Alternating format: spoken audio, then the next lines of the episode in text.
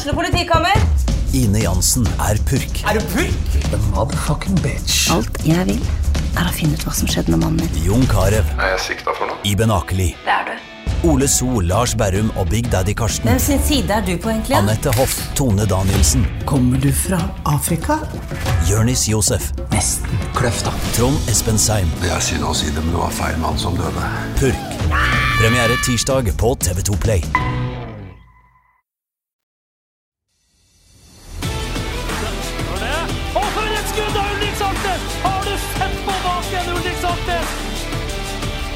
Da er det skåring, og så skårer Bodø-Glimt.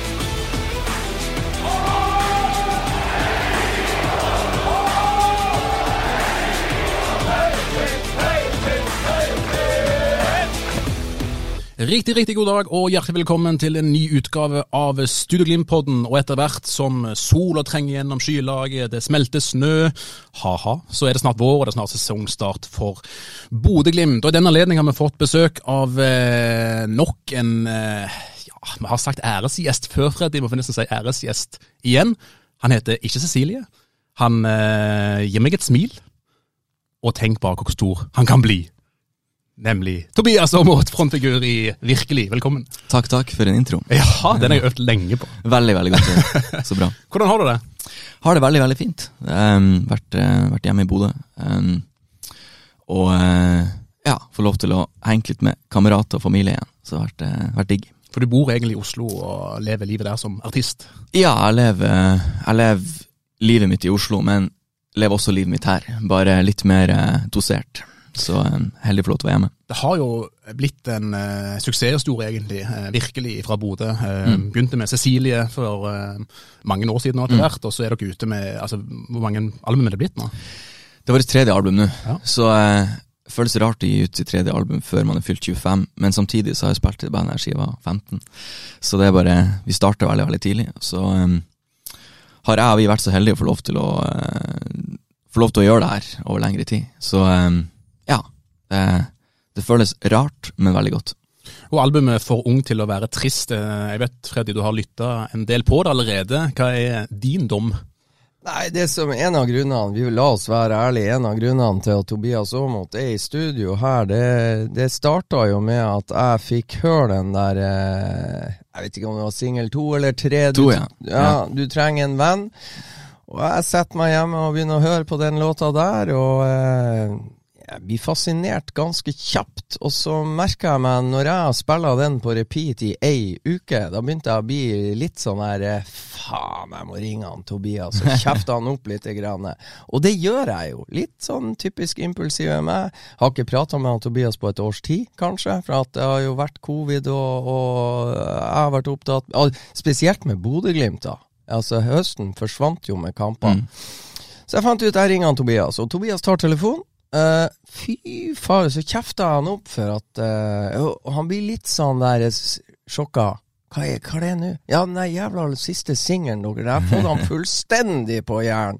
Og det er jo ros, ikke sant. Så uh, det ble jo en hyggelig samtale Veldig. av det. Og da ble vi enige om at eh, det nye albumet er for tur, og Tobias skal til Bodø, og kan ikke vi ta en liten pod? Jo, det gjør vi. Ja. Og du har jo en link til Glimt òg, det kommer jeg selvfølgelig tilbake til. Men eh, det er jo interessant å høre om hvordan livet har vært nå som artist etter en pandemi. eh, Hvordan, hvordan er det liksom å være tilbake igjen når du skal ut på turné nå snart? Nei, jeg sa det her om dagen til en kamerat av meg, at det føles litt som at jeg har eh, vært fotballspiller, men ikke vært i tropp på tre og et halvt år.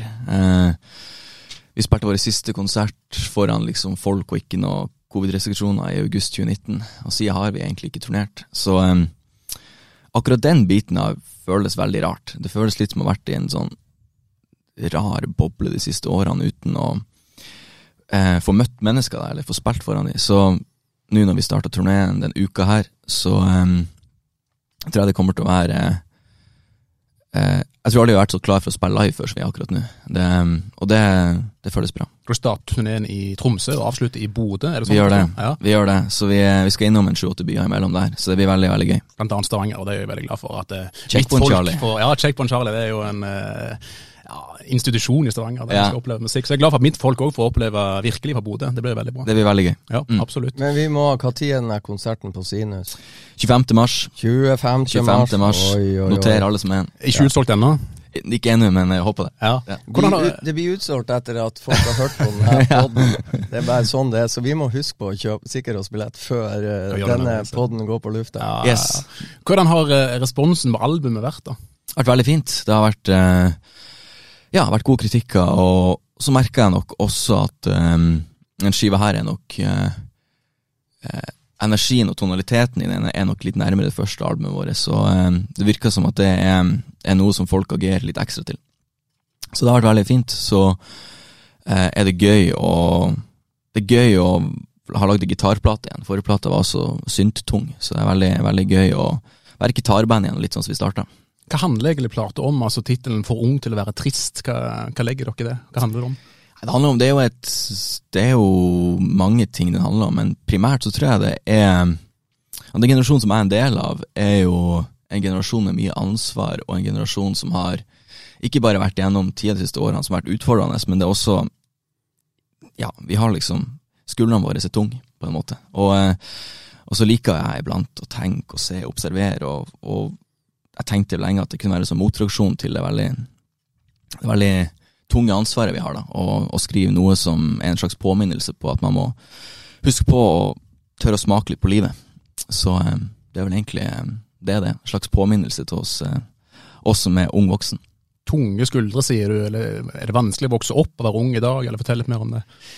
Nei, jeg tror, jeg tror primært at det handler litt om Altså Hver generasjon som kommer, har et forskjellig ansvar i verden. sant? Det ser man jo i evolusjon òg, og jeg tror for vår del så er det en del, det er en del um, kriser vi står overfor på global basis, men også en del um, Hvordan skal vi leve i lag? Hvordan skal vi forholde oss i lag? Hvordan, uh, hvordan vil en relasjon som vi tenker uh, uh, En kjærlighetsrelasjon være nå? Hvordan er det om 10 år? Hvordan er det om 20 år? Altså vi, det er jo ganske individuell tid og en brytning der alle har lyst til å, å i så stor grad som mulig pleie seg sjøl og ha et godt forhold til seg sjøl.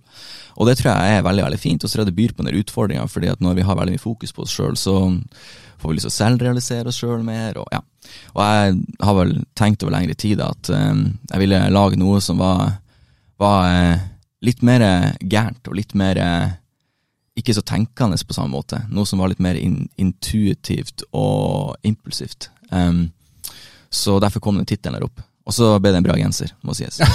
Det er viktig. sant? Hvor flink er du til å pleie deg sjøl? Um, nå er jo jeg relativt glad i å være alene, og ganske glad i å styre mine egne ting. Jeg er nok, eh, jeg er nok ikke den gjengse 24-åring, tror jeg, sånn i forhold til interessene mine. Er jo, det er jo musikk og fotball og bøker. De, det, er jo, det er jo det jeg bruker tida mi på. Um, men jeg tror veldig mye handler, handler bare om å finne en, få en hverdag, eller få en eller annen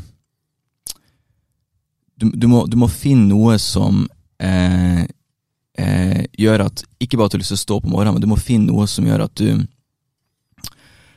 har en eller annen drivkraft i hverdagen din, eller, eller noe som gjør at du, du, du, kan besøke et eller annet hjørne i dagen din som, som gir deg den lille Ja, litt som en Glimt-kamp. sant? Du har, den, du har noe du har noe du kan eh, se fram til på en litt sånn naiv og enkel måte som jeg syns er kult. Eh, der har Glimt bare vært superviktig for meg og Sondre i bandet, f.eks. Det å kunne vite at eh, i fjor, da, at det var kamp klokka fire på eh, en lørdag, og se en kamp og kunne ringes og diskutere om det etterpå, for å så ta noen øl etterpå og diskutere Glimt igjen, det er, jeg tror sånne ting er viktig også. Og i hvert fall for min del, har jeg en perfekt avbelastning fra alt det seriøse som musikken byr på. Fryktelig viktig, viktig budskap, Freddy. At det er lett å komme inn i en spiral der det er kun fokus på jobb eller familie, eller det som er liksom de, eh, ja, de krevende tingene i livet, da. Eh, Men at man Jo. er flink til å pleie seg sjøl. Det, det er helt klart, og så er det jo ikke sant, virkelig har gitt ut to, to album, og de turnerer, og som eh, Tobias er inne på, siste konsert i august 2019, og så kommer da som en hammer i Ja. februar eh, 2020 covid-19, og Bodø-Glimt-spillerne, kompisen til Tobias Fredrik André Bjørkan og andre, ikke sant, eh, og også meg og, og min jobb, i og med at Bodø-Glimt og Eliteserien fikk lov å rulle i 2020, og Filip Sinkernagel og Kasper Junker og Jens Petter Hauge på en måte smadre alt som har skjedd i norsk fotball før covid Altså, det var 200 på kamper, treningen gikk. Jeg, kunne jeg levde normalt. Jeg for og så Glimt-trening, jeg prata litt med guttene. Jeg hadde på en måte et sosialt liv.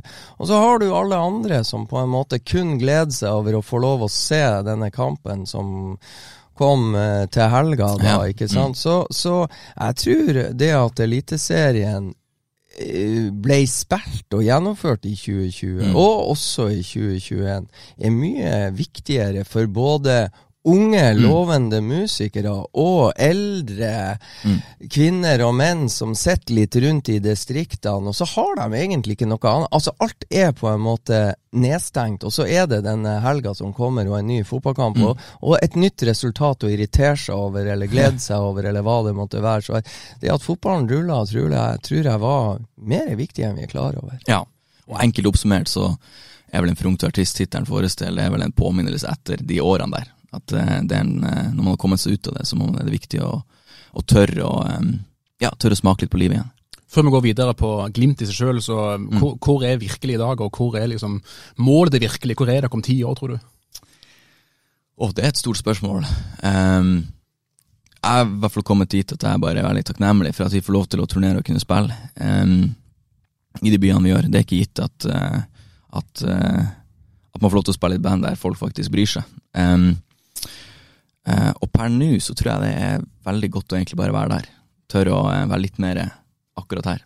Det høres ut som man har lært av Kjetil Knutsen og Bjørn Mannsverk at man lever i nuet og tenker prestasjon og utvikling. Ja, det var ikke sånn for eh, fem år siden, så eh, det er, en, eh, det er kanskje sånn det er å vokse litt opp. Ja, han har vel en eller annen på hjemmebane som han av og til prater med, som har inspirert han, som har bygd opp en stor festival i Bodø, som har slitt med de Mm. samme utfordringene som bandet virkelig, og det der å ha et konsertprogram klart, og på en måte stå i krigen og vente og vente og vente og holde på kontrakter. og og på en måte endelig få se Rag and Bone Man på scenen i, i parken. Og det er klart, det, det er mye, mye tankevirksomhet som ligger bak eh, det der å stå og vente. Og jeg tror også pappa Gøran eh, og Parkenfestivalen fikk en sånn påminnelse når eh, folket begynte å komme i parken. ikke sant? Hvor er de frivillige? De er, og det er to-tre år uten festival. ikke sant? Det, det var ikke så fintuna som det var da de slapp. Eh, siste festival før den, eh, det endelig braka løs igjen. Så det, det er mye man skal lære seg på nytt, egentlig. Og, så det, jeg tror jo Tobias henter litt på det her og der. Men jeg må spørre, Tobias, hvordan var det å, å gå i studio med en av dere, ja, din aller største helt? Altså, hvordan kom det? Her må du fortelle litt. eh, Ja, ja absolutt. Det, eh, Og det er jo ikke en fotballhelt. Det er ikke en fotballhelt. Altså, mitt yndlingsband er et amerikansk indie-rockeband som heter Death for Cutie. Og iblant så virker det bare som eh, det skjer rare ting, tilfeldige ting i livet mitt som kommer i hop. Og eh, en av de tingene var det at han eh, Chris Wallace, som heter, slutta i det bandet her i 2014, og etter hvert har flytta til Norge. Eh, og eh, plutselig så er vi i studio med han, og så produserte han det nye plateåret. Så ja, det er jo det er litt kjipt å drive ha blåmerker på armen sin hele tida, for man driver og går rundt og klyper seg sjøl i armen for å prøve å bli klar over hva som faktisk skjer. Så det er veldig kult. Um, så jeg har vært litt fighta mellom det at han, han bor jo i Ranheim, og jeg bor jo i, i Eller jeg bor ikke i Bodø, men jeg bor rundt supporter. Så uh, det har vært uh, Det har vært noen uh, Ja, han er i hvert fall opptatt av å være Rosenborg-supporter med Ranheim-supporter, så det er gøy. Hva er det med han og hans band som har fascinert deg sånn? Nei, så er jeg veldig Både jeg og vi i bandet er veldig veldig glad i den alternative gitarmusikken som kom på begynnelsen av 2000-tallet, med The National, The Shins, for Cutie osv. osv. Men det er bare noe med med det liksom det emosjonelle rommet som for Cutie har skapt seg. Det er liksom Det er ikke et, det er ikke et straight rockeband. Det er et um, Det er veldig mange band et utropstegn. Vil være veldig tydelig, og et statement, så er de mer spørsmålstegn. Og, og det relaterte veldig mye til en uh, litt uh, nevrotisk, ambisiøs 17-åring på videregående. Det, og siden har det bare blitt uh, soundtracket til mitt liv, på en eller annen måte. På hvilken måte vil du si at han har prega det nye albumet deres? Å, veldig mye. Det er jo mye mer luft på en skive her. Eh, Gitarene er tilbake, mye mer enn hva på forrige plate. Um, og kanskje aller mest så er det noe med den emosjonelle balansen i det. det. Det er trist når det er trist, og så er det glad når det er glad. Og så er det, og så er det kanskje litt mer undrende enn jeg har vært på en god stund. Så eh, ja, jeg er utrolig stolt over det jeg har fått lov til å jobbe med. Det, det er det absolutt største jeg kunne ha eh, Som kunne skjedd i mitt liv, i hvert fall. Så like stort for deg som for Fredrik André Bjørkan å få lov å jobbe med Felix Magat? Altså, det var vel en sånn synonym tid der han drev og hadde han på treningsfeltet, og jeg drev og var i studio med Chris Walla. Jeg tror han Chris er en bedre fyr. Men... Ja, det, det, tror jeg òg. Og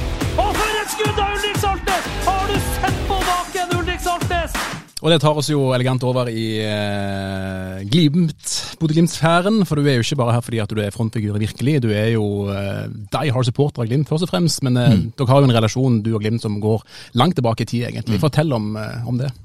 Ja, nei, Det var jo barndomsklubben min. Um, oppvokst i den klubben og spilte jo der siden jeg var seks år gammel. Fem-seks år. Um, uh, jeg og Fredrik bodde i samme nabolag. Så vi um, vi begynte å spille på Glimt i lag, og spilte der til jeg var guttespiller. Um, og har jo siden dag én vært egentlig veldig, veldig stor del av mitt liv. Jeg hadde jo Bengt Sæternes-drakt da jeg var fire-fem år. Og, eh, og, har vært på Aspmyra siden jeg var liten kid. Uh, og så hadde jeg et par år der det var litt min Eller jeg var, jeg var ikke mindre interessert, jeg var bare ikke like involvert. Det 2016-året da vi rykka ned, så spilte vi på Glimt-showet. Eh, og så var jeg på kampen dagen etterpå, da de tapte 3-1 mot Brann. Og to måneder etterpå det så spilte vi på, sånn, på et sånn event for Bodø-Glimt, og det var jo to dager etter de rykka ned.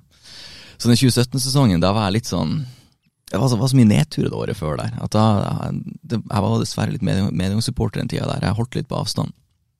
Og så ble han Fredrik skada våren 2018. Og eh, da var han litt sånn Du, kan ikke vi bare dra på Aspmyra og se kamper i lag? Og eh, og siden våren 2018 så har jeg egentlig eh, fulgt ekstremt tett, altså. Det, det, var noe da at når, når jeg plutselig ble eh, eh, interessert igjen, så har det liksom bare overhodet ikke sluppet tak siden da. Hvordan er det for en de har Glimt-supporter å ha liksom en av sine beste kompiser på innsiden der? Nei, det er jo veldig fint. Jeg, han, først og fremst så er jeg jo veldig stolt over han, da. Um, uh, selv om utenlandsoppholdet til Fredrik uh, ikke ble kanskje det han eller alle så for seg, så har han fortsatt spilt for 60 000-70 000 på Hertha Berlin sin stadion. Han har fortsatt fått lov til å være med og, og, um, og um, spille europeisk fotball. Så jeg er veldig glad for at han er tilbake igjen også. At han får lov til å, å komme tilbake igjen og være med og prege Glimt igjen. Det er, jo, det er, jo, godt for min del som kompis, men også fordi at jeg er Glimt-supporter og vil ha de beste spillerne. Og så tror jeg også at det er gøy for min del å ha en kompis som ikke er musiker, og for hans del gøy å ha en, en kamerat som ikke er fotballspiller. Det er noe fint med det å, å kunne være fra to så forskjellige verdener. Um, så ja.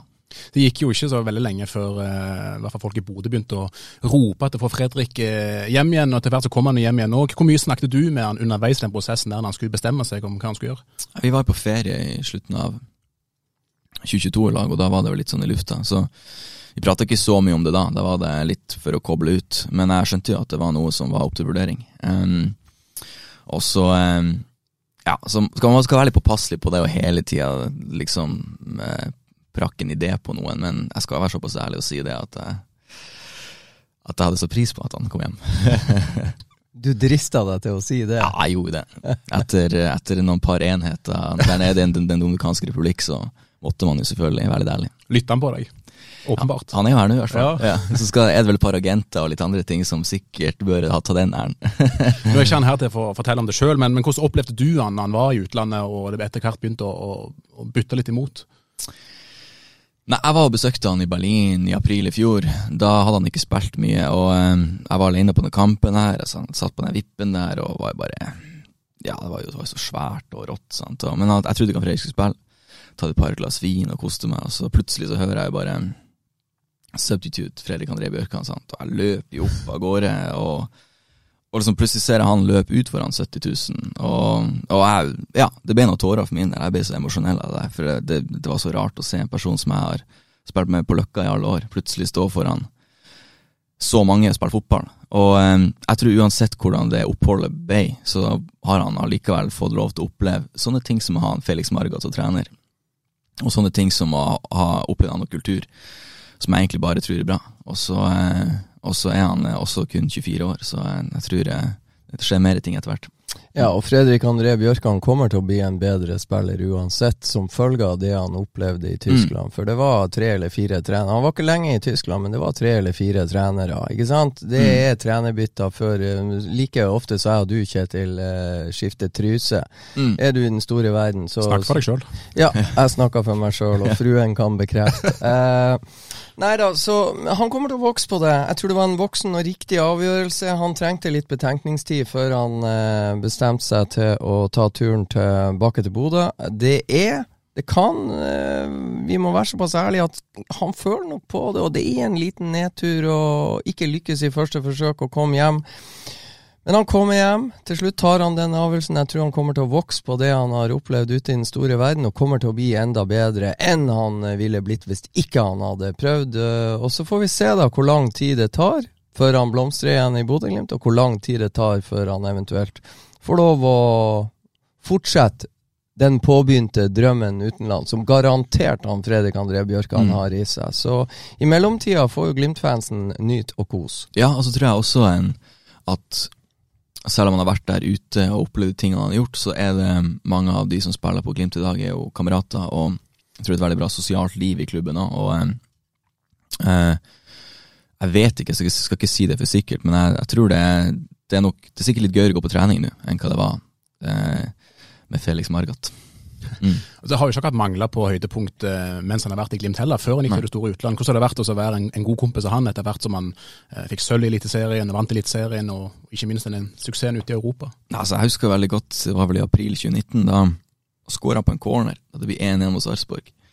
Det var stort, altså. Det sånn, jeg husker jeg som jeg tenkte shit, han Fredrik har skåra liksom, i Eliteserien. Han har gjort det før òg, men det var noe litt sånn De hadde vært bra de første kampene der, og Ja, det var en eller annen sånn rar følelse, da. Og eh, jeg husker Ulrik Saltnes sa vel på den poden her, har sagt til flere ganger òg, at det der sølvet der var nesten større fra hans del enn hva det gullet. Og ikke at jeg, jeg, jeg kjenner kanskje ikke helt igjen i det som supporter, men den overraskelsen var kanskje større, det 2019-året. Jeg var så eh, skulle de slo Strømsgodset bort til 3-2 eller noe sånt. Eh, jeg var bare det var, det var rart å merke at det er noe som skjedde. Eh, og så var, var det veldig spesielt i 2020 å begynne å skjønne det at han og Jens og Patrick og flere av de som jeg har spilt med, og, og ja, liksom hengt rundt, de, de kom faktisk til å vinne det første gullet med Bodø-Glimt. Og det vil for alltid komme til å være legender på et, et eller annet vis her i Bodø. Så eh, ja, jeg tror jeg, jeg håper de også greier å iblant ta et lite step tilbake og se litt hva de har vært med på. Men eh, kjenner jeg det rett, så har de, har de vel fokus på det som skjer fremover. Og så ser man jo eh, når de kommer ut på store arenaer i eh, Mm. den store verden, eh, disse Glimt-gutta, de går gjerne ut på gresset, tar noen bilder, tar Mm. noen selfier. Er det du som gjerne er mottakeren av de selfiene da? Ja, når du sier det, så har jeg, har jeg vel fått et par. det har jeg vel fått. Men ja, det er det som er fint med Fredrik. Han er en lung type. Han er det, lite Jeg tror jeg er en, en som svever mer over bakken enn hva han gjør. Så eh, det, det, går, eh, det, det går fint med han, tror jeg, når det gjelder Ja. Jeg tror, jeg tror ikke han blir så affisert av de der tingene heller. Fikk du noen eh, snaps fra Emirates, eksempel? Ja, det var ikke han der. Nei, han- Nei, du, du kan si det er fascinerende, det kan kanskje han Tobias bekrefte, men det jeg, av og til er jeg litt usikker på om Fredrik André Bjørkan er klar over at det er AS, Ro, AS Roma Ja. og José Mourinho som er på besøk på Aspmyra, for han kan det like gjerne være. Altså, Er det Lillestrøm eller en Å ja, det er Roma, ja. Mourinho, han har jeg hørt om. Og det ble 6-1 og alt det. Og alt er greit. Og så er jeg fortsatt litt usikker på om han er klar over at han er på Olympiastadion i Roma og spiller 2-2 og sender snap. Eh, Jeg tror Tobias vet hvor det kommer snap fra, men det er jeg ikke sikker på. at Nei. at Fredrik André Bjørkan er jo om det er Aspmyra eller Olympiastadion. Men det er bare en sånn lite inntrykk jeg har. Ja, vi, jeg husker vi Og litt i strek. Ja, han det. Jeg husker vi facetima før uh, Milan-kampen på hotellrommet dagen før.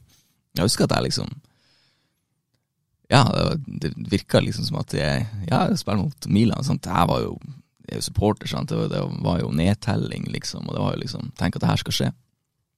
Men det var Ja, det var en kamp, på en eller annen måte. Det, det jeg, har, jeg, har, jeg, har, jeg har veldig respekt for det også. Um, Og så er det glad at jeg ikke er fotballspiller. Da hadde vi mange snaps.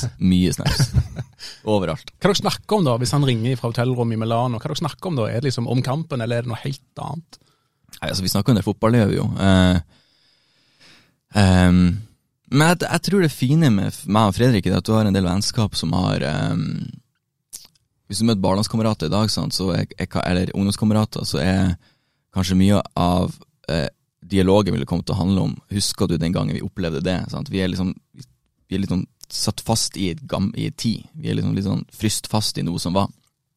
Mens for meg og Fredrik så har det kontinuerlig bare utvikla seg egentlig mer og mer. Uh, og um, ja, og uh, Så det er liksom ikke bare fotball. Det, det, føles som at en relasjon der går videre på en eller annen måte, at det er nye ting hele tida å ta opp. Og, og um, han har jo til og med har jeg blitt så dristig at jeg begynner å sende han musikk også.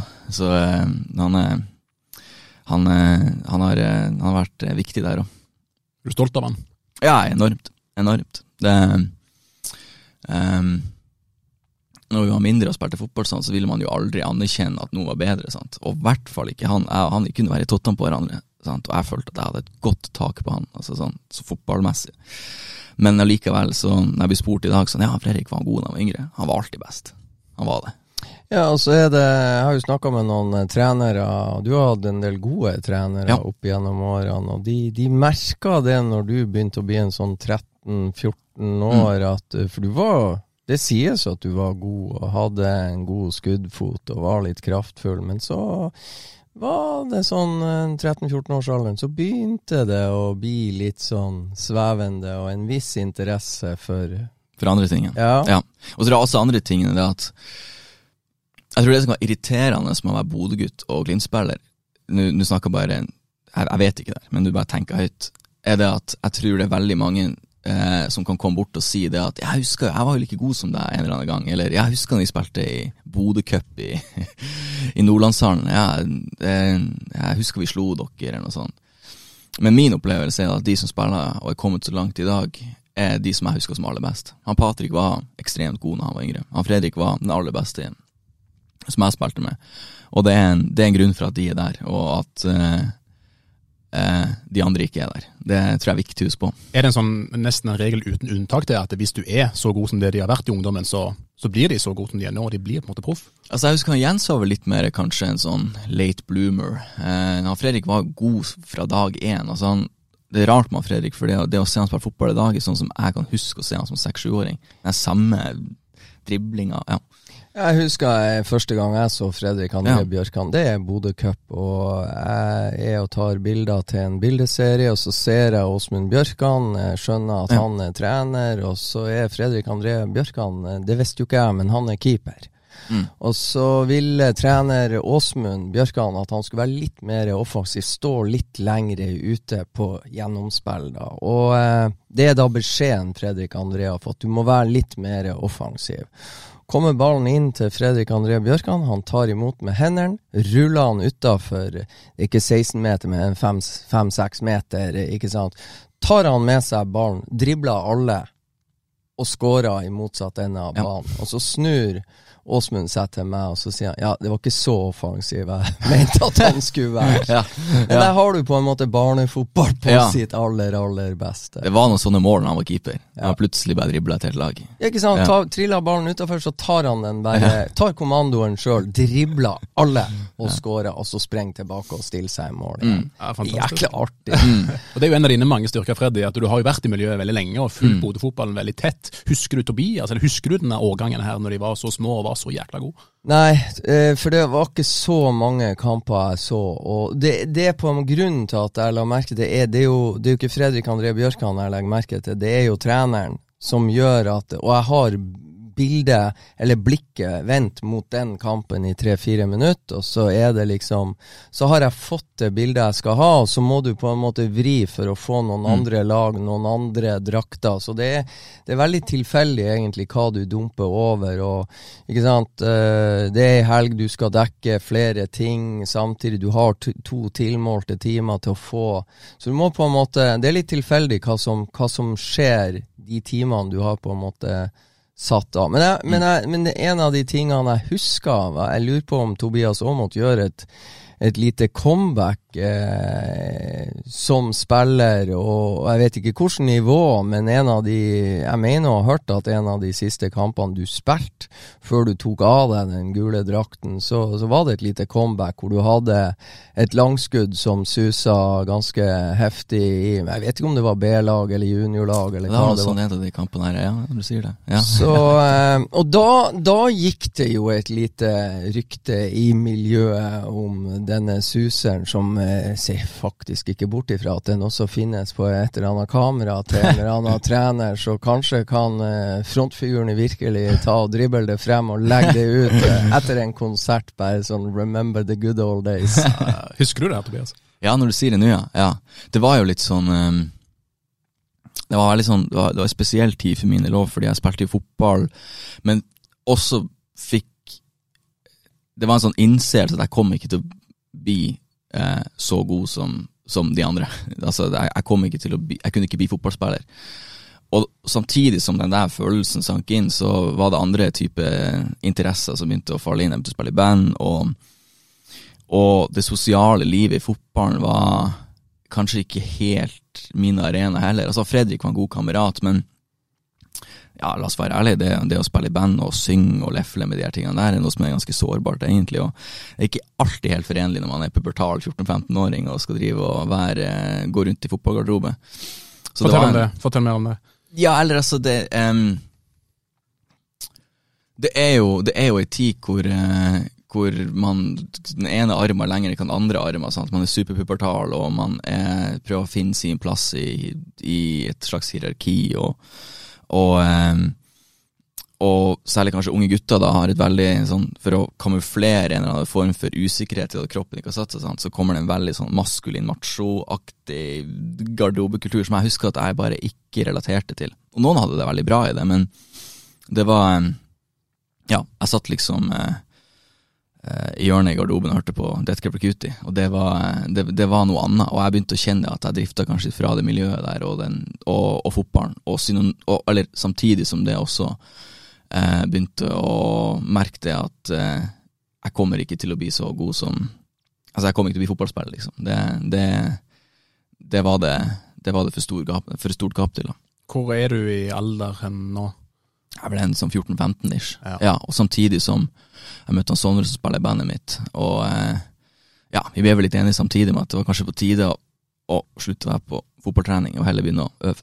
Er det et tøft valg òg, liksom? For du har jo liksom vokst opp med fotballen og vært en del av det miljøet egentlig hele livet. Er det vanskelig liksom, å gå ut av det? Jeg tror det er en del andre som hadde vanskeligere med det enn hva jeg, for at jeg hadde en erstatning for det, og kanskje en erstatning som føltes mer rett. Men jeg tror det er en sånn identitetskrise for en, ja, en ung gutt på 14-15, hvor du kanskje merker at en, en drøm Du greier ikke å leve opp til den drømmen du kanskje har, og samtidig så har du ikke en annen interesse eller noe annet å, å, å, å eh, falle tilbake på.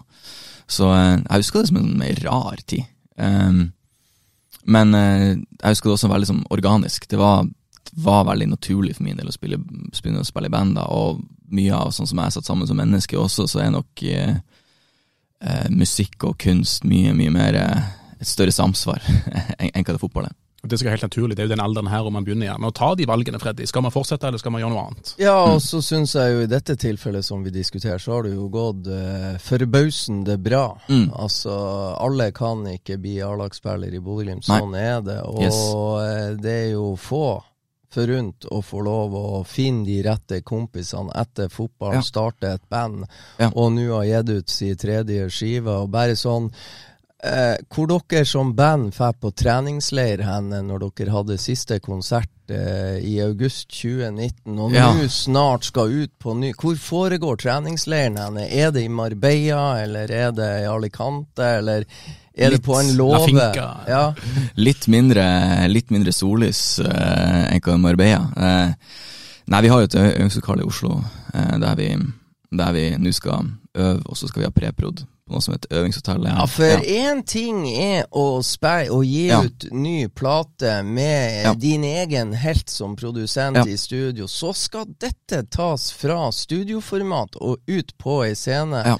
Det skjer jo endringer i lydbildet og musikk og fremførelse. Hvordan er den prosessen? I virkelig sånn siden dag én, egentlig, så har vi egentlig vært et rockeband i bunn, eller et indie-rockband. Og så har innspillingene våre ofte vært litt, eh, litt mykere, eller litt mer behagelig, Og så har vi alltid live vært ganske mye mer eh, konfronterende, kanskje, i, både i lyd og energi. Og eh, nå når vi ikke har spilt på tre og et halvt år, så er det en av de tingene som jeg skikkelig har glemt av, er sånne ting som lydprøve, eller sette sammen i settlisten som skal føles um, sammenhengende. Og det, det, er vel, det, er vel, litt synonymt, kanskje, med det å, å, å og skal begynne å sette sammen en elver.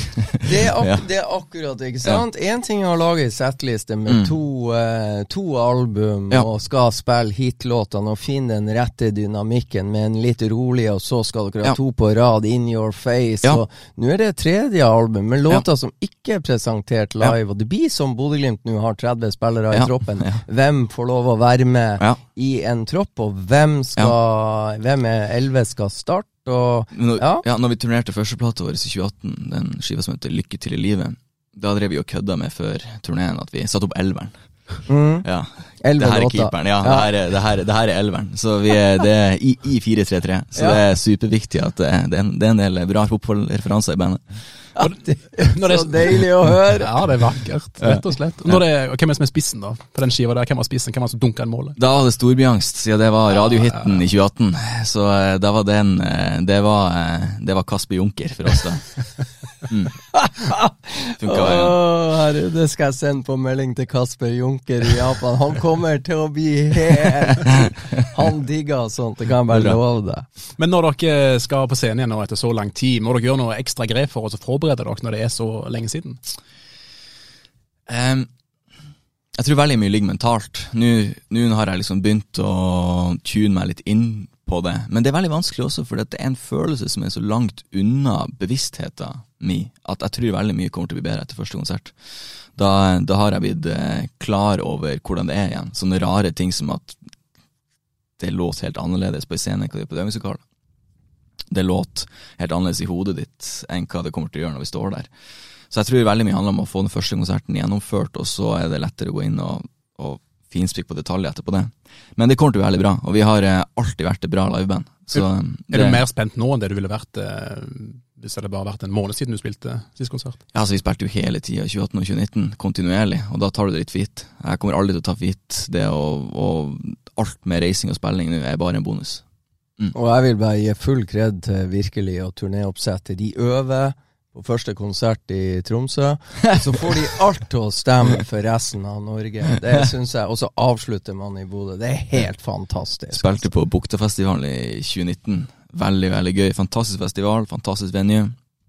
Og da sto det jo i eh, sånn Hørte på festival, da. Spalten der at um, og noen som har sagt det at eh, kanskje vi skal finne de virkelig og banke de opp med de der gule tannbørstene eh, sine. da måtte jo selvfølgelig jeg minne de på eh, 2-1-seieren 16. mai eh, borte på Alfheim, Håkon Evjen, litt i andre minutt. Du torde det? Ja, selvfølgelig. Ja, Det er så bra.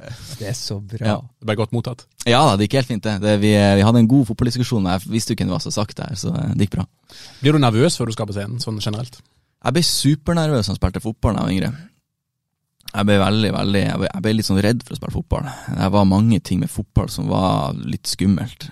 Og så er det helt motsatt med musikk. Det er, det er en eller annen økt selvfølelse blanda med selvtillit som kommer fram, og, og, gjør at jeg alltid har følt det veldig behagelig å stå um, på ei scene. Jeg husker når vi åpna Øya i 2018, så var det første gang jeg tenkte sånn det er veldig rart at ikke jeg blir nervøs der, for jeg er jo nervøs for så mange andre ting i livet mitt. Men det er bare noe med, med, med scene og det å spille med de som bare føles naturlig. Det. Det er ikke noe for smågutter det, Freddy, når man åpner øya? Nei, det er ikke for smågutter. Og det er befriende å høre. Men jeg har jo også hørt rykter, eh, det er mulig jeg tar feil, men altså, dere har jo vært i studio med en del mennesker som kanskje har litt lengre fartstid ja. enn dere sjøl, ja, unge lovende fra Bodø, og de skal produsere, og så er det en ung Tobias Aamodt som bare Nei, det her blir ikke helt sånn som jeg så for meg. Ja, ja det, er, det er en eller annen sånn kompromissløshet som kommer inn i Ja, inn, inn, i, inn, i, sinnet mitt med en gang musikk kommer på banen. Det Ja, og din musikk, sant? Ja, min, ja. ja absolutt. Det eh, det, er en, det er noe med Det er noe med at når det er så viktig, så er det Så, så er det, det, det Da blir det livsviktig å få ting til å bli rett også, og det har gjort at vi har, eh, har noen ganger eh, tatt noen drastiske valg. Og det er det som er så interessant ikke sant, med fotball, musikk, whatever her i livet. Hvilken hylle er du på? Ok, Tobias Aamodt har skapt eh, evig vennskap med de spillerne han var en del av eh, fotballaget. De, de, har de minnene. er jo lettere for dem å sitte og prate med når de koser seg med, med noe godt i glasset en eller annen sein eh, lørdagskveld eller på ferie. De minnene de skapte sammen fra mm. fem-seksårsalderen til 14-årsalderen. Men så er det noe med den tryggheten som, som uh, du tar med deg, i ditt tilfelle da i musikken, mm. og Fredrik André Bjørkan tar med seg ut på banen. Det er ikke sikkert det hadde vært skapt like tydelig uten det fellesskapet de hadde. Mm ja. i oppveksten. Mm, absolutt. Og så er det jo som med dere òg, som det er med Glimt-spillerne, at det er utrolig gøy når det går bra, men så kan det være det butter imot òg. Ja. Eh, hvis man får kritikk, f.eks. Du ja. har jo blitt kritisert, eller iallfall folk har påpekt for at det eh, er det noe med vokalen din det var et eller annet der for noen år siden. At mm. det er jo ikke sterk nok som vokalist. Altså, Hvordan er det når, du, når det kommer sånne ting, når dere er vant til liksom, å få hyllest? Altså, altså øh, fotball er jo subjektivt òg, men det er jo det er jo til slutt er det noe som må fungere i lag. Altså Musikk er på en helt annen måte enn en eller annen smakssak i det også. Altså det, det å få kritikk fra noen som, som elsker Sondre Lerche, det tar jeg helt imot. Fordi at hvis, hvis, hvis du liker Sondre Lerche og ikke liker virkelig, så er det antagelig helt naturlig. Fordi at det er to forskjellige verdener. Eh, jeg tror det, det jeg mener med det, er at det er, det er eh, er veldig bekvem med, med at det å bli kritisert det, i, i, musikk, det er jo først og fremst bare en følelse du ikke greier å relatere deg til, eller et, et uttrykk du ikke greier å, å, å, eh, å få til å samsvare med sånn som du sjøl hører musikk. Og jeg har aldri blitt så affisert av det, egentlig. Jeg har, eh, jeg har ganske, ganske god selvtillit på de tingene der også, rart nok. Da er det skåring, og så skårer Bodø-Glimt! Jeg vil litt tilbake til oppveksten din òg, og jeg vil jo tro kanskje at det alle drømmer om når man spiller fotball i Bodø, det er at man skaper A-laget til Bodø-Glimt. Det er liksom det kanskje alt handler mm. om, eller er det sånn? Ja, jeg husker jo at det var Jeg tror, jeg tror det å spille på A-laget til Glimt er et mye mer endelig mål nå enn hva jeg husker det var når vi spilte, fordi da var det jo alltid et eller annet Da ville jo alle selvfølgelig spille på United, eller alle eh, Det var kanskje ikke nok Jim Johansen var, var, kanskje ikke nok helt for en venstrekant når du var 12-13 år, mens, mens, i dag så er det, er det, nok å se Ola Solbakken eller uh, Amahl Pellegrino. Jeg må bare si jeg, mm.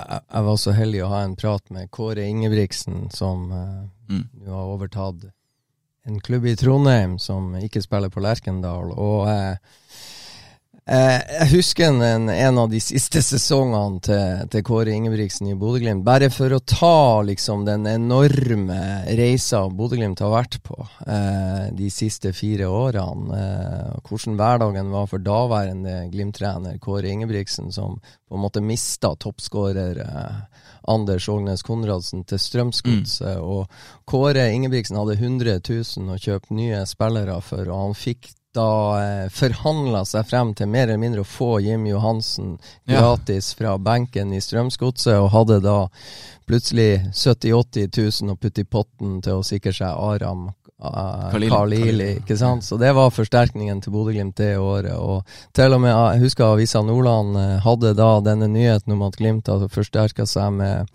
Aram Kalili og Jim Johansen, og NRK Nordland hadde samme dag en, eh, en som gikk fra Nesna til B-laget til Bodø-Glimt. Han heter Vinje til etternavn. Så ja. det var andre tider. Mm. Det, det, bare er 100 000 å handle for. Altså det er jo knapt nok til å kjøpe Lasse Nordås fra Glimt til Tromsø. Ja, ikke sant? Det er knapt nok til å kjøpe Lasse Nordås. Jeg vil nesten si det sånn, det er vel antakeligvis prisen på fotballskoen til Fredrik André Bjørkan i 2023. Får du mye av han, Fredrik, bare for spurten det? Får du noe drakter eller et eller annet som han har brukt? Ja, litt av det, altså. Ja. Jeg har jo Han gjerrig? Eh, nei, jeg har, jeg, har jeg, jeg, burde ha samla meg på drakter som du gjør, Freddy. Men ja. Eh, jeg, har, jeg, har, for få av dem. Det er litt, litt steg opp til Freddy, da. Ja, det er det. Ja, jeg må si at eh, jeg har vært veldig, veldig heldig. Jeg har um, vært tidlig ute, og for å ta en Kasper Junker, så Ja. var det li litt jeg, jeg, var, jeg har jo ikke noen drakter fra Asia og Japan, så jeg hadde jo steike lyst på Kasper Junker-drakt. Og han er en spesiell fyr, da. Mm. Han, er, han er en rimelig nådeløs, og det, jeg skal, skal forklare en dansk at den må være brukt i kamp. Mm. Og han litt aggressiv, da. Han kan eh, han, han krangla på børspoeng, for å si det sånn. Eller Ja. hvis vi ikke fikk med oss i oppsummering av hvor mange mål han har skåra, så var han nådeløs hvis vi ikke tok med hvor mange assister han hadde. Men uh, jeg masa som fy på en sånn der matchworn eh, drakt, og så kom det fra han at eh, Er du klar over hva den kosta? Det kosta 10 000 yen. Ja, hvor mye er 10 000 yen? Ja, det er 2000 kroner, kommer det som svar. Da konkluderte jeg bare Det har du råd til. og da kom det Ja. Det har jeg. Da har han jo underveis da eh, vært eh, opptatt av hva han tjener. Så Mm. jeg fikk drakt til slutt. Ta, det, det skulle man jo egentlig ikke tro, men jeg måtte vente på den drakten fra Kasper Junker. Men han tok den med seg på ferie til Danmark, og så Mm. var han med sin fru, og sånn og sånn, og hadde det fint. Og når han dro tilbake til opp, ny oppkjøring i Japan, så Mm. beordra han fruen denne drakta der skal sendes til unge Thoresen i Bodø. Og det gjorde fruen, Mm. og til slutt kom den. Stor stas. Hvordan får du ellers tak i så mange drakter? Er det gode kontakter, maser du, eller får du tilsendt på Nei, det, det, nei vi, skal, ikke snakke om drakter, men det er mange av de her spillerne i Bodø-Glimt. eh, Det, det, det går jo litt gjennom Bodø-Glimt, og det er historikk osv. med det. Og første drakta, eh, Tom Kåre Staurvik, cupfinalen 1993. Det er mange som vet det, egentlig. Og så, så er det jo de, de er på en måte snille og rause, og, og det er flere av de som vet at jeg har eh, vært sjuk både én og to ganger. Så, så det er noen sånn sikkert folk som snakker litt om det uten at jeg vet om det. Men det går litt sånn der rykter at den draktsamlinga begynner å bli bra. Og da er det faktisk sånn at flere har lyst til å bidra. Og stor stas. En av de Eh, siste som eh, og, det er sånn, de kommer Plutselig så ringer telefonen, og så er det Runar Hauge som er hjemme på en eh, kjapp lynvisitt. Og avleverer en Hibernian-drakt. Og da skal jeg innrømme at det var det siste jeg sa til han da han forlot treningsleiren på La Finca. Han spilte kamp mot Dynamo Kiev. Og så fikk jeg en lite, lite sånn der fornemmelse på at han kommer til Han, han rekker ikke å dusje. Han skal av gårde til Hibernian og signere der. Er det mulig? Det var et lite rykte som oppsto. Så jeg sto jo på hjørnet og venta. Jo, det stemmer, han skulle i drosja. Vi be, han var så hektisk at han hadde ikke tid til å gjøre intervjuet, så vi måtte bare avtale ta telefonen på når du kommer der i drosja for å rekke å nå frem til flyplassen og nå det der flyet ditt. Og da husker jeg det siste jeg sa. Eh, Runar, du må huske på, jeg må få en Hibernian-drakt etter hvert. Og så går det et år. Så er han på ferie. Og kommer og ringer på. Her er den. Det er sterkt. Det er Mm. ganske sterkt, Det er veldig altså. sterkt.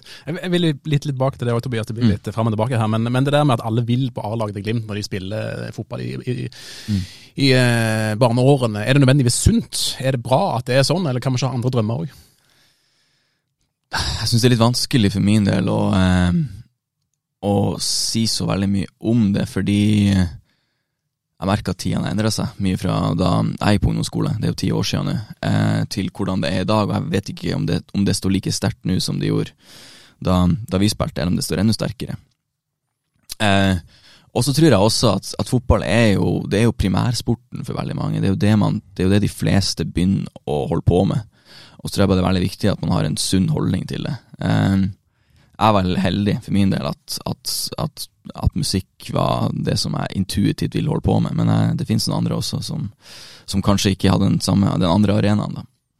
Og så lurer jeg på, for altså i det nye albumet deres, og det her er vi inne på eh, en, en liten, liten detalj som er interessant, sikkert, Kjetil. Og det, det, det er en sånn spesiell takk til, til Amahl Pellegrino Ja. i albumet. Og da lurer jeg på hvorfor eh, denne takken til han, og hvor ligger fascinasjonen rundt hans Ja. karriere, bortsett fra det at han bøtter inn mål når han spiller i helgult, og også for andre lag. Ja, nei, det er jo kanskje litt egentlig kanskje det, det du snakker om. Um, for min del så er det Det er veldig lett å være fascinert av toppskåreren. Det er jo ikke akkurat så eh, ekstremt eh, særegent. Uh, men ehm, jeg fulgte med han en god stund, egentlig. Jeg, jeg fulgte med han eh, selvfølgelig i Kristiansund, men jeg hadde også hørt om han tidligere. Um, For du visste at Åsmund Bjørkan har prøvd å hente han før?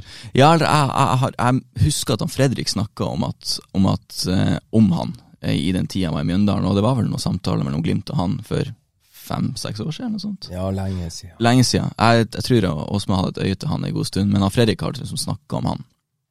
Og eh, Amahl Pellegrino er min yndlingsspiller, han kommer til å være det. Og den eneste drakta jeg har, er Glimt nummer sju, Amahl Pellegrino. Og mye av grunnen til det er det at der fotballen i dag er blitt et eller annet Hvis ikke du er på A-laget til du er 16-17, eller hvis ikke du er eh, oppdaga på en eller annen måte eh, til du er 22-23, så, så er det på en måte gone. Og for min del så er det noe med at jeg har hørt, og fra flere hold, at det er mange som ikke kanskje av de bedre spillerne som ville ha godtatt det å spille i Obos-ligaen når de er 26-27, for de hadde større drømmer. Da kan de like godt studere eller like godt begynne jobb. Men Amahl han, han, liksom, han dro med familie opp til Kristiansund i en alder av nesten 30, eh, og flytta opp dit eh, i en tid der kanskje veldig mange ville ha trappa ned, eller, eller bare godtatt det og gå tilbake til Mjøndalen igjen. Og det å, å, gjøre de valgene der sier noe for min del om den enorme kjærligheten han har til lidenskapen sin som er fotball. Den der enorme elsken for ball og den gleden med, med fotball syns jeg bare er så fascinerende. Så jeg tror jeg kommer litt igjen i det eh, med tanke på mitt forhold til musikk. Det er, det er Jeg blir alltid glad når, jeg, når, når det er litt sånn antihelter, folk som ikke hadde de beste oddsene for å få det til, får det til, og gjerne på bakgrunn av at de bare elsker det de gjør. Og han er, han er liksom påminnelse for min del at, uh, at har du nok kjærlighet til, til det du liker, så, så, er det nok i lengden, og plutselig så, så, skjer det rare ting. Og plutselig så har han bøtta inn 50 mål på de siste 60 eliteseriekampene. Ja, og det, det, er liksom Amahl Pellegrino er 21 år. Ja. Idet han litt tilfeldig får sjansen i Bærum, som på dette tidspunktet ikke spilte på øverste hylle, mm. liksom. Det er en trener i Bærum som, som, har likt det han har sett av Amahl Pellegrino. Han er 21 mm. år når han får på en måte sin første sesong mm. litt grann opp i, på nivået. og det er, det er fascinerende. Mm. Og, og, og, måten som Tobias sier Jeg har jo hørt litt Amahl fortelle om hva som skjedde i Strømsgodset, som er på en måte Det var hans klubb. Ja. Endelig var han i, i, mm. i, sin favorittklubb. Og det å, å, oppleve at du på en måte blir pælma ut mm. av klubben din, og da da er det kanskje mange som uh, finner ut at de skal legge opp, eller nok er nok. For det var noe med måten det skjedde på. Og, og uh, det å da velge å flytte opp til å ta med seg hele familien til Kristiansund Jeg tror ingen av de angrer på det valget. Jeg tror ikke heller. Og det er det der å, å gi opp uh, for tidlig. Mm. Det der og, å um, Jeg ser det er mange som har gått gjennom systemet til Bodø-Glimt, som slutter å spille fotball i en alder av 20. Det, mm. det er synd, for det, ja. jeg tror de kan ha det veldig det, det, er mange, det er mye gøy å oppleve hvis du tør å stå i det litt. Grann. Ja. Du kan bli oppdaga. Ja, og der skal jeg også liksom, gi kudos til en jeg spilte med, eh, som ikke er Glimt nå, men som er Sogndal, Andreas van der Spa. Jeg spilte jo med han, og jeg den, den, enorme gleden bare for liksom ball og fotball og hele aspektet um, Hva fotball er og innebærer. Han bare elsker det så høyt. Og jeg har, jeg har bare så utrolig stor respekt for de som, som eh, som går den, den, veien der, fordi at de bare er avhengige av den rare gleden som fotball gir. Og, og jeg bare syns også det er så kult at Glimt har en profil som Amahl òg, fordi at han er en antihelt, og han er en, han er en annerledes type. Det fins med all respekt nok Ola Solbakken. Eh, type av spillere. Folk som har vært gode når de var yngre og man visste at det kom til å komme, og, og litt sånn karrieretenkende mennesker.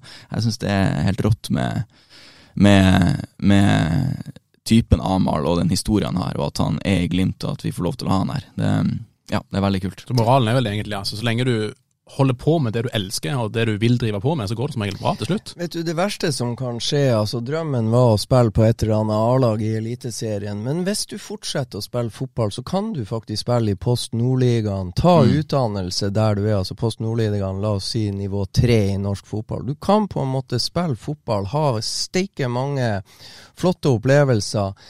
Tjen sånn passelig, i hvert fall at mm. du halverer eh, studielånet ditt eh, underveis på reisa mens du spiller fotball, har det, har det bra. Og For å ta eh, Andreas van der Spa, som, som du nevner, så er det en interessant reise. ikke sant? Fra Bodø-Glimt 2 til Alta, og så Mm. videre til Øygarden og spille Obos-liga, og så til Sogndal, og vært i Arendal også. Og I fjor eh, fikk unggutten fra Bodø, som er nærmere to meter, og Ja. alt som har vært litt skada i, i oppkjøringa til denne sesongen, men han var kaptein opp til flere kamper på eh, Fosshaugan Mm. i fjor. Og eh, så stå i det. Og man, Eh, mange ville ikke gått den veien der heller, sant. Og det, jeg, jeg, jeg liker det. Det er en Ja, det, det, er noe, det er veldig det, det er noe litt romantisk over det, men det er også noe med det at eh, vi trenger vi trenger noen som ikke er alltid så fornuftig heller. Det er bra, det. Hva det står i coveret om Amal? Nei da, det, det er en sånn spesiell takk til alle, sant. Og, eh, og eh,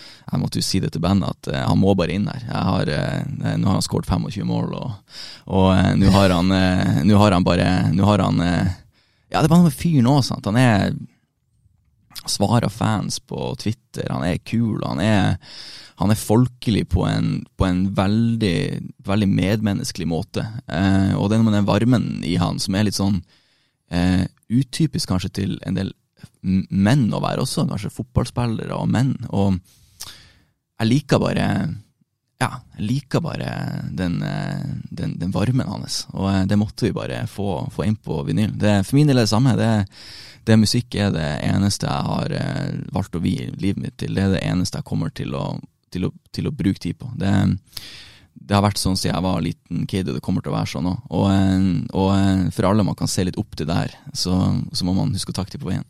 Så det gjelder vel enten du spiller fotball eller driver med musikk. Hold på med det du Ja. syns er gøy, Ja. og dyrk det for alt det er. Yes.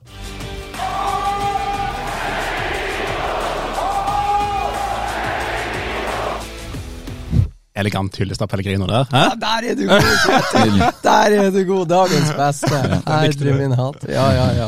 Tiden går fort i eh, godt selskap, gutter. gutta. Vi nærmer oss etter hvert slutten. Nå er det turnéstart for dere, eh, Tobias. Ja. hvor, hvor lenge holder på med den? Hva skjer etter den? For første gang i mitt liv så er det litt sånn etter 25. mars at vi spiller ferdig her på Sinus, så er jeg litt, eh, det er litt i lufta hva, hva veien videre. Eh, det er litt deilig, da. Så jeg har egentlig ikke tenkt så mye lenger enn at jeg skal få unnagjort denne turneen her, og det gleder jeg meg ekstremt mye til. Og så eh, får vi se hva som skjer litt etterpå det. Ja, men du vet jo hva du skal gjøre etterpå det. Det er jo bare å si det med en gang. Du, trenger jo ikke å sitte der med Nei, det er jo tima perfekt. 25. mars er turnéslutt, Sinus i Bodø, så, du, så er det jo seriestart i Eliteserien yes. ikke så lang tid yes. etterpå. Og da er jo spørsmålet hvor mange kamper skal du og se, og virkelig, Ja, og, ikke ja. sant? 10. april i Sarpsborg, det Ja. må vi få oss, selvfølgelig. Står du da på J-feltet, eller står du da med supporterne og synger for full hals? Nei, altså, jeg var tre ganger på Aspmyr i fjor, det er for lite. Eh, Ja, jeg- sant, da er du der. Det må være flere Ja. ganger i år. Da har vi ett mål. Yes, men det skal sies en ting, at jeg, jeg var på Zagreb, det var stort, jeg var på Arsenal, det var stort, men det største for min del i fjor, det var å være på Ålesundkampen. Gått litt, vært litt vanskelig i april-mai der, så vinner de 2-0 mot KBK, litt mer optimisme, men allikevel en sånn feeling av hva, hva er det egentlig, hva er Glimt anno 2022? Så er det 30 grader i Bodø, og så er det en litt sånn slitekamp, så eh, slår Ola Solbakken til eh, Pellegrino, skåra, Bris dribla et helt lag og skåra, og den der euforien og det å kunne gå ut i Bodø-kvelden etterpå det, altså, ja, det var, det var ti ganger bedre. Og så må jeg spørre, hvis det Mm. blir suksess frem til 25. mars, Ja. så er jo året ungt. Eh, målet må jo være å spille så steike bra at det også blir en liten sånn høstturné. Er Det, er, det er en del planer. Ja. Det, er en del, eh, det er en del ting som er, er, er på trappene der. Så det er bare Jeg tror det kommer til å bli eh, muligheter til å kunne se virkelig ganske mye live i år. Og det kan du ikke avsløre helt ennå. Nei, det, det kommer etter hvert. Ja, Ja. Spennende. Er du en sånn som står og brøler for full hals på tribunen og Nei. synger? Nei, du sparer Dessverre. stemmen. Ja, altså, nei, jeg, er, jeg har så stor respekt for altså, Det å være på Glimt-kamp nå er jo noe Altså, jeg var jo ballgutt i masse i 2011, 2012, 2013. Sant? Det er jo jeg var, jeg var jo sjokkert når jeg var på Ålesund-kampen her igjen nå. Eh, det er jo det J-feltet har fått til, og, men også bare liksom den, den Syns det, det det føles som å være litt sånn internasjonalt er på Glimt-kamp nå. Men jeg er, jeg er en stille type der, altså. Der blir jeg sittende og se mer, og så kan jeg heller bare observere de andre. Det føles bra da. Tar du del i feiringa etter sånn som seier mot Ålesund? Går du ut og Ja da, det blir Men det som var med Ålesund-kampen her, var bare eh, noe med at da skjønte man at de har ikke mista det. På en sånn rar måte. Skjønte det at eh, med den, med den seieren der så kom det til å bli en bra sommer og høst, og det ble det jo. Hva du tror om årets sesong? Jeg har kjempetrua.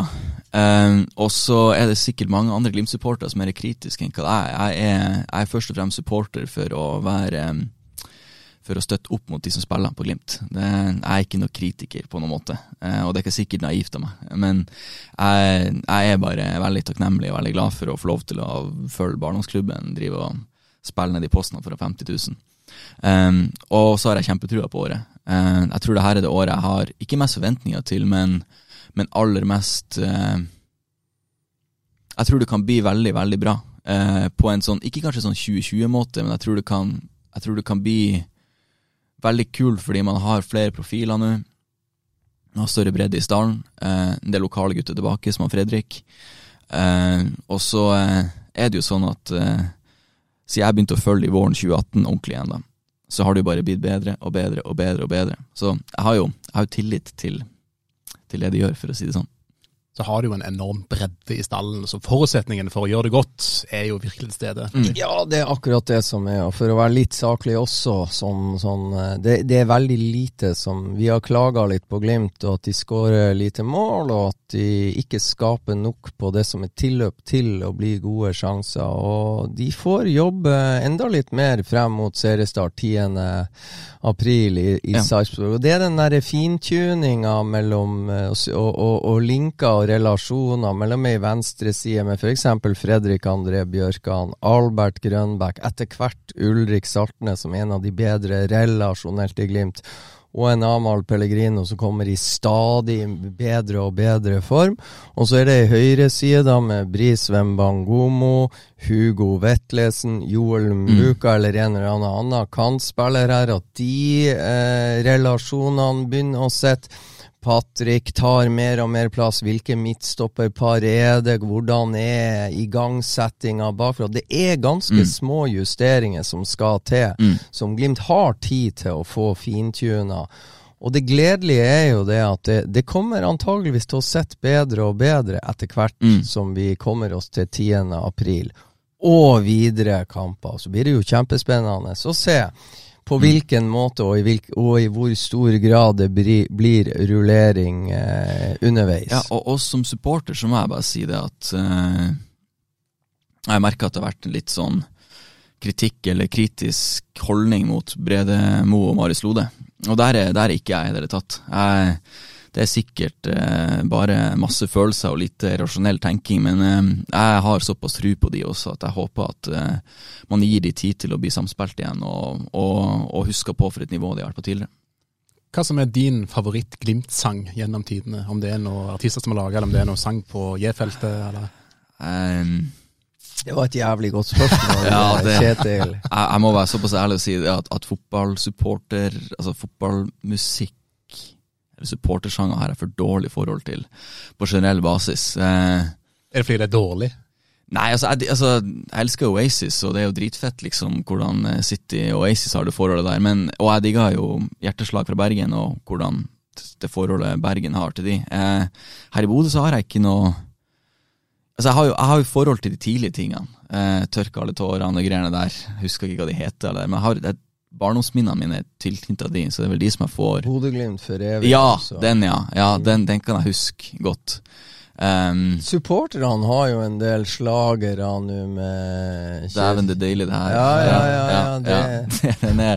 Men det kjipe med det er når de tar mot Rosenborg, og Rosenborg kaller YouTube-innsidenepisoden sin 'Dæven, det er deilig', det her. Det, mm. det er en det er skummelt. Det er skummelt. Ja. den er skummel, men, det er ganske stilig når uh, Glimt-supporterne står på uh, Intility i Oslo ja, og sang 'Dette er Aspmyr'. Ja, det er helt rått. Det er ganske er morsomt. Det er rått. Det er humor, det òg. Ja, det er snakket veldig mye om det før òg, men det her når de sitter på huk og hopper opp hele stadion i lag og vifter med skjerf altså, Og så har du, stilig, så må altså. jeg gi kred til mm. VIF-fansen som hadde det der på 0-6 mot Bodø-Glimt. Så er det 'Vi taper aldri'.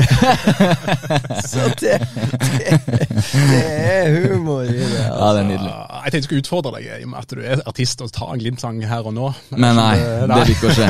Det, det er bare å glemme. Du har ikke varme opp stemmen heller. Så det, Nei, og, og eh, Ja, nei. Jeg, Men altså, en eller annen gang så må det jo komme en virkelig singel Ja. med ei B-side, hvor virkelig tar han helt ut i War on Drugs-sjangermessig stil, og trør til med ei B-side med en Glimt-hyllest. det må, det må skje Sånn overskuddsgreie, vi vet ikke når, men eh, en eller annen gang skjer det. Mm, det, må, det, det ligger vel i lufta en gang. Sant?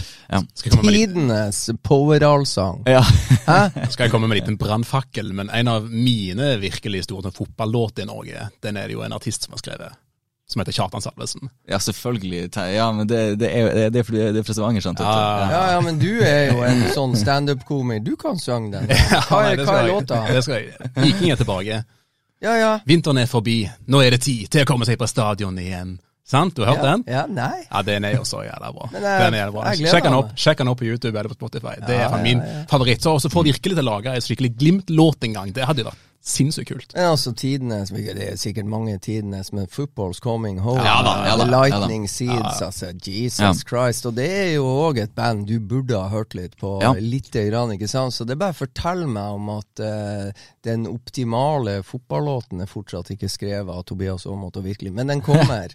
Han har vel sagt til Halvdan at eh, noe av det største for han det har vært å gå på Aspmyra og høre hans sanger synges der av supportere. Så kanskje det er en liten drøm for dere òg, etter hvert, Tobias.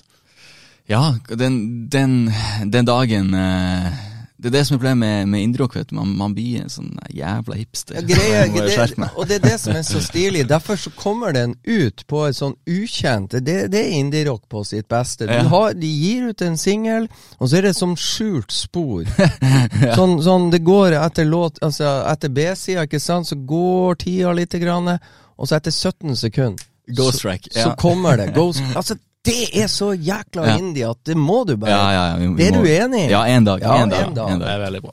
Ja, men Kjære lyttere og kjære gjester på side. Vinteren er forbi. eh, Nå er det tid på å komme seg på stadion igjen, og det er på tide å komme seg på konsertarena igjen. og Det skal bli godt å få virkelig i sving, og det skal bli Yes. godt å få Glimt og i sving igjen. Tusen hjertelig takk, Tobias, for at du kom innom. Må bare si det. Jeg blir jo ikke større for en Glimt-supporter enn å være her, så tusen takk. Hør på det, Freddy. Hæ? Det er fine ord. Ja, det, Blir ikke større. det blir ikke større. Legg bort Øyafestivalen så lenge han får lov å komme i Studio Glimt-podden. Yes. Da er livet komplett.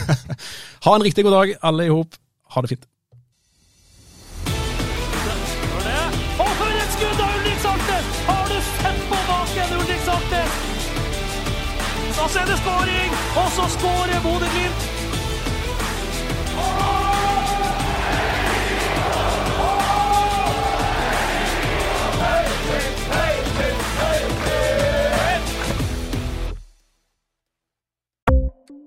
Ukens annonsør er HelloFresh.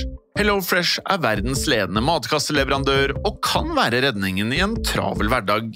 Mange av oss har nok vandret i butikken både sultne og uten en plan for middagen, som ender med at vi går for de samme kjedelige rettene gang på gang. Middag burde være dagens høydepunkt. Som HelloFresh kan du nå velge mellom 25 ulike retter hver eneste uke, eller få HelloFresh til å sette sammen menyen for deg. Dette gir deg muligheten til å prøve nye og spennende retter alene eller sammen med familien. Du velger antall porsjoner og får alt levert på døren på et tidspunkt som passer for deg. Oppskriftene er enkle, og maten er lett å lage både for store og for små. Ved å få alt levert hjem får du også mer tid til å dele matgleden med familie og venner. Kanskje det frister med asiatiske tacos eller greskinspirert kylling? Da kan jeg anbefale deg om å gå inn på hellofresh.no. Her kan du bruke koden FOTBALL og få opptil 1779 kroner i rabatt på de første fem matkastene hvis du ikke har prøvd HelloFresh tidligere. Du kan også bruke rabatten hvis du har vært kunde og stoppet abonnementet ditt for tolv måneder siden eller lengre. Gå inn på hellofresh.no og bruk koden FOTBALL. Har du et enkeltpersonforetak eller en liten bedrift? Da er du sikkert lei av å høre meg snakke om hvor enkelt det er med kvitteringer og bilag i fiken, så vi eh, gir oss her, vi. Fordi vi liker enkelt. Fiken superenkelt regnskap.